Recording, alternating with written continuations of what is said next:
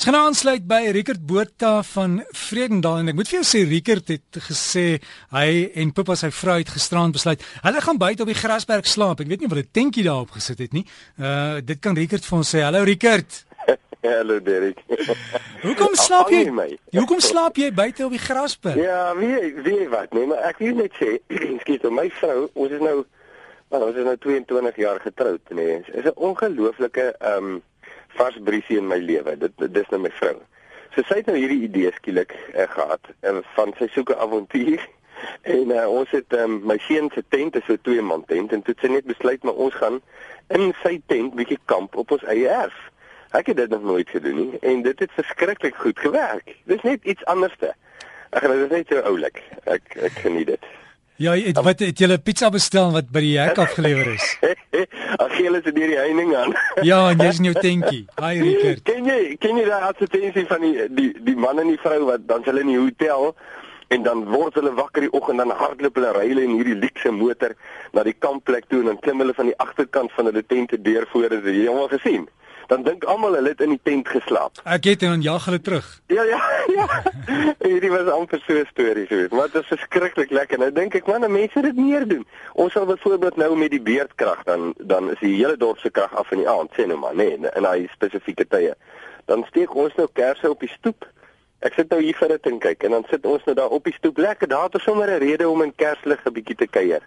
Lekker. Nou dink ek man, mense moet dit meer doen. Die lewe is hopeloos te gejaag en spoed by jou verby en dan is al daai mooi kosbare oomblikke weg, jy weet. Hoe gaan hy rympie is dit ouma en oupa sit op die stoep en oupa gee 'n harde roep, né? Nee? Ja, en hy sê koffie. Koffie op die gasstoof of die primus. Ja. Rickert, ons praat vandag uh, oor die verskil in geloof op die platland en in die stede en en die kerke. Dis anders Rickert as jy 'n gemeenskap besoek in die platland en hulle gaan kerk toe. Dis asof hulle dit anders ervaar of is ek verkeerd? Nee, ehm um, Nee, ek dink jy's reg. Ek dink ek dink daar's 'n deel wat wat ou kan sê ja, dit is anderste. En dan is daar 'n deel waar jy kan sê jeug, daar's 'n fenominale ehm uh, daar's 'n fenominale iets, nee, kom ons noem dit nou maar so, hè, wat wat vir lewe lewe bring nou in die platteland en in die stad. Gaan nou gou net iets daaroor sê, maar oor die andersheid. Weet jy, ons was um, so 'n paar jaar terug is ons in Angola en ons kom deur diep in die bos. Nou dan ons kom van Vredendal en en uh, jy weet vir die ouens in Angola is Vredendal 'n uh, metropolitaanse gebied. Dis 'n stad, man. Ons het 'n robot, jy weet. En dit is dis groot. So uh, ons kom hier in die in die suide van Angola, is in die bos. Die ouens loop nog met karosse rond daar waar ons was. Dit is deur in die gopse. En uh, en daar ontmoet ons hierdie groepie gelowiges. En wat natuurlik vir ons ongelooflik verfrissend was, is terwyl ons aan die kampvuur sit in die aande, uh, om dan te hoor hoe eenvoudig en kinderlik ehm um, is hulle geloof, hoe hulle dit belewe. En dan sê ons nou vir mekaar, en ons kom nou uit die groot stad van Vredendal met sy een robot. Dan sê ons nou vir mekaar, wie wie ons maak dit te ingewikkeld. Jy weet dit is wat ons vir mekaar sê. Ek kyk hierdie mense, want hulle leef van die aarde. Dit gaan baie swaar met hulle. Uh, uh, jy weet hulle leef maar van die reënwater en van dit wat hulle uit die grond kan kry. Uh en dit gaan nie te wat nie. Het dit nie te breed nie. Maar ehm um, hulle opregtheid en hulle kinderlikheid en geloof van besef ons joeg, maar dit is so mooi, nee, daar's iets, daar's 'n stuk heerlikheid daarin wat ons harte aanspreek. Nou goed. As ek nou daai selfe beeld kan vat en ek verskuif hom nou net so in plaas van die bosse in in Angola en die stad van Vredendal skuif ek kom nou na Kaapstad toe en Vredendal. Nou dit is die platte land en die groot regte stad. Dan sê ek ja, daar's elemente wat presies dieselfde is uh hier in die platteland waar die ouens boer en hulle het 'n baie eenvoudiger lewe in in baie opsigte, nie in alle nie, maar baie opsigte, dan is is daar 'n element van geloof en van hulle verhouding met God wat verskil met die ouens in die stad. Die ouens in die stad is gejaag, hulle program, hulle is gewoond aan gesofistikeerde goederes en dinge en jy weet jy moet 'n ding self maak gebeur anders te gebeur dit nie. Jy, uh, iemand het eendag vir my gesê uit die stad dat hy sê ja, dis dis makliker vir jou om op die Here te vertrou want jy's 'n predikant. Die mense weet jy het hulp nodig. Maar nie vir my nie. Ek moet werk vir my geld. Jy weet iets in daai lyn. Uh so asof weet asof die hele argument van God is nou skielik bygelê met watter werk jy ook al doen. En dan kom ek agter net maar dis hopeloos te ingewikkeld. En daar is 'n verskil. Die ouens in die stad dit baie keer maak dit 'n ding hopeloos te gesofistikeerd en ingewikkeld en dan kom hulle nou weer soos wat ons in Angola gekom het en ons sê maar kyk hoe eenvoudig is dit. Is dit nie mooi nie? En Jesus het gesê as julle word soos die kindertjies nie, dan kry jy daai daai faktor van eenvoudigheid. Daar's iets daarin wat geweldig uh sulke woord, kom ons sê mooi is of aantreklik is of ehm um, uh spanning is, jy weet of so. Uh en en dit verskil. So daar's definitief 'n verskil en ek sou daai deel so beskryf. Rigert so mense wat dan van die platland of die stadskerk ervaar, gaan hulle dit dan as oppervlakkig ervaar of Ja, nou wat baie keer gebeur. Nou kyk nou, ons moet nou moet nou versigtig want ek was nou al in in in stedelike kerke waar ek sê my mond val oop, Derek.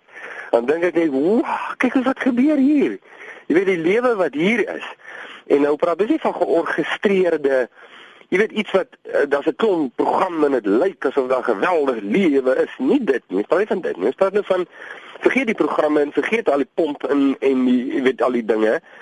Ek sien maar hier's regtig iets in hierdie ouens se harte wat wow, jy weet dit sluit dit in die bos. Dit wonderlik. So daar's baie sulke gemeentes, maar maar Dit kan ook wees dat uh, as gevolg van die samestelling van die stad en die ding hoe weet die die manier hoe goed werk in die stad dat verhoudinge ook daaronder kan lê en dat in die platteland byvoorbeeld eh, is die mense baie meer hulle is baie nader aan mekaar. Hulle is baie meer betrokke by mekaar se lewe. Jy kan nie verby 'n ou in die stopstraat ry eh, ry en vir hom vyf wys nie, want jy gaan hom nou nou in die koöperasie sien en dan weer in die poskantoor en jy weet nou nou by die laerskool as jy julle kinders gaan oplaai. In die stad is dit heeltemal anders, hè? Jy weet die ouens is gewoond, jy kan maar vir 'n ou sê net as jy wil, jy sien hom waarskynlik nooit weer in jou lewe nie. So daar's daar's 'n daar's meer 'n 'n losmaak van verhoudinge in die stad en, en baie keer reflekteer dit in gemeentes. Jy weet waar so 'n plattelandse ou sal kom en hy sal net sê o, o nee, jy weet ek soek daai element van intimiteit en bywees en jy weet hy hy man, ekskuus nou vir die woord, maar ek gaan hom nou gebruik as so ons het nie Afrikaanse woord daarvoor nie, maar fellowship, as so fellowship hier, wat ek kort en ek sien dit in die stad nie. Is dit die trein wat so raas daar, Rickert? Ja. Ja, ek bring die pos. nee, ek vra nie, dis jy hoor hom baie daai. Net een keer, ek dink een keer in 'n week in en jy is baie bevoorreg om nou te hoor hoe klink hy se inkom. So hy's bietjie laat, moes hy nie eers 9 uur deurkom nie, hy's net 10 voor 9, 10 voor 10. ja. ja. Rickert dan ja. Die die groot verskil ook in die preke is daar 'n verskil in die boodskap wat uitkom en ek dink baie keer in die in die stede daar's baie keer twee dienste want die die gemeentes is groot dat die die ding word bietjie gejaag nê. Nee? Ja, kyk nou nou kom ons sê iets wat goed is van die stad. Dat ek um, met met die voorreg wat ek nou gehad het om nou so verskriklik rond te ry. Kyk as nou nadele en voordele. Nou een van die voordele daarvan Maar dan sien jy nou gemeenskappe wat ek voorheen nooit in sou kon deel nie, nê? Ehm um, of mense wat ek ontmoet het wat ek nooit sou neem. sien ek beleef goed wat wat nou nie deel was van my gewone verwysingsraamwerk. En uh ek weet daar's daar's ehm um, Daar's gemeentes in die stede waar jy, wat tipies wat jy baie kry in die stede wat vir ons natuurlik nou vreemd vreemder is in die platteland en jy het uh, gemeentes wat twee of drie eredienste op 'n Sondag het en dan het hulle dit geklassifiseer ook nou nog, jy sien. So jy kry jou kontemporêre eredienste en dan jou klassieke erediens. Kontemporêr is meer vir jou jong mense, jy weet, dis met die band en so aan en dit gaan lewendig en aan daarso en uh, en dan as jy jou klassieke diens, baie mooi naam. Dis nou meer met die orgel en dis meer besadig en dis nou dit was meer vir die bejaarde mense. So hulle het genoeg mense in 'n erediens om dit nog so te kan verdeel en dan hulle chok en blok eredienste. Maar wat vir my kosbaar is ongeag hoe hulle dit deel, was dan van hierdie gemeentes wat ek nou bygewoon het. Ek dink nou aan Viljoenskool en sommer dadelik een, hy predikant daar se naam is Dries wonder of hy nou luister, maar een, wie het hierdie mense my geseën? Derek, net met die egtheid. Nou goed, dit was platteland, nê, nee, maar goed. Maar uh, meer na die stede toe, ek dink aan aan Houtbaai, ehm um, gemeente daar in Houtbaai en Constantia. Ehm um, die goed wat hulle daar doen en hulle preke is nie in 'n worsmasjien ingedruk nie. Ehm um, dit is dis dit is lewend en dis eg en dis kosbaar en dis die tipe ding wat jy wens jy oral kan kry ook op platteland want baie keer op die platteland kan uh, kan dit verstok. Jy sal nou dink dit moet nou anders wees in die stad, nê. Nee. Ehm um, maar dat dit dit verstok heeltemal en en dat die predikant op die platteland hou die sake die teel so bymekaar dat niemand kan enigsins beweeg. Daar's nie kans vir groei nie want ou ou dominee is nou al 35 jaar daar en hy weet hy rule and regulate arme gemeente so hulle wurg 'n bietjie dood waar dit nou weer in die, in die stad is dit nou weer heeltemal anders te so dis dis eh, dit is nie so maklik om dit te klassifiseer nie maar ek gaan vir jou sê wat 'n mens soek is jy soek eenvoud en jy soek egtheid Help my jy het, jy het hierdie ongelooflike fantastiese programme en predikante en hulle het grade van hier af tot in Kaïro en terug nie. Ehm um, jy soek egtheid en jy soek mense wat regtig 'n verhouding met God het. Dis wat jy wil hê. Jy wil nie uh, iemand hê wat so belese is in teologie, maar hy verstaan die karakter, persoon en bediening van Christus glad nie. Wat help dit? Dit help absoluut niks nie. Dan kon jy myself 'n uh, aanlyn teologie kursus gedoen het.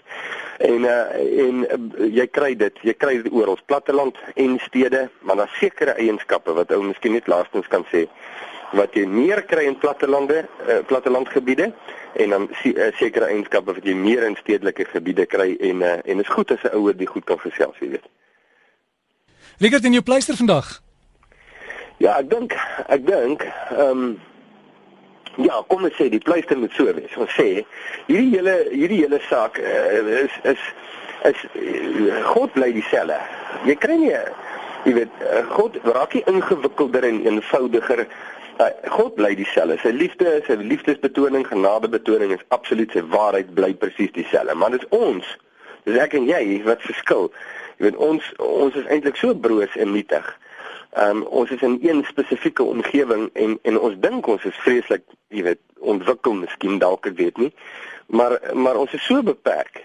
En dan uh, uh, raak ons omstandighede die bril waarna ons na God kyk. En as daai omstandighede verdraai is, dan kry ons dikwels 'n baie erge verdraaide beeld van God. Dis nie te sê dit is hoe God is nie, maar dis ons nietigheid, ons broosheid en ons lesing so. En dit kan ons ontsettend skade berokken. Maar nou hier's die pleister. Die pleister is dat dit een van God se grootste vreugdes is om homself aan ons te openbaar. Of jy 'n stedeling is of 'n platteland ou, maak glad nie saak wat jou verwysingsraamwerk is nie. Hy wil graag vir jou wys wie hy regtig.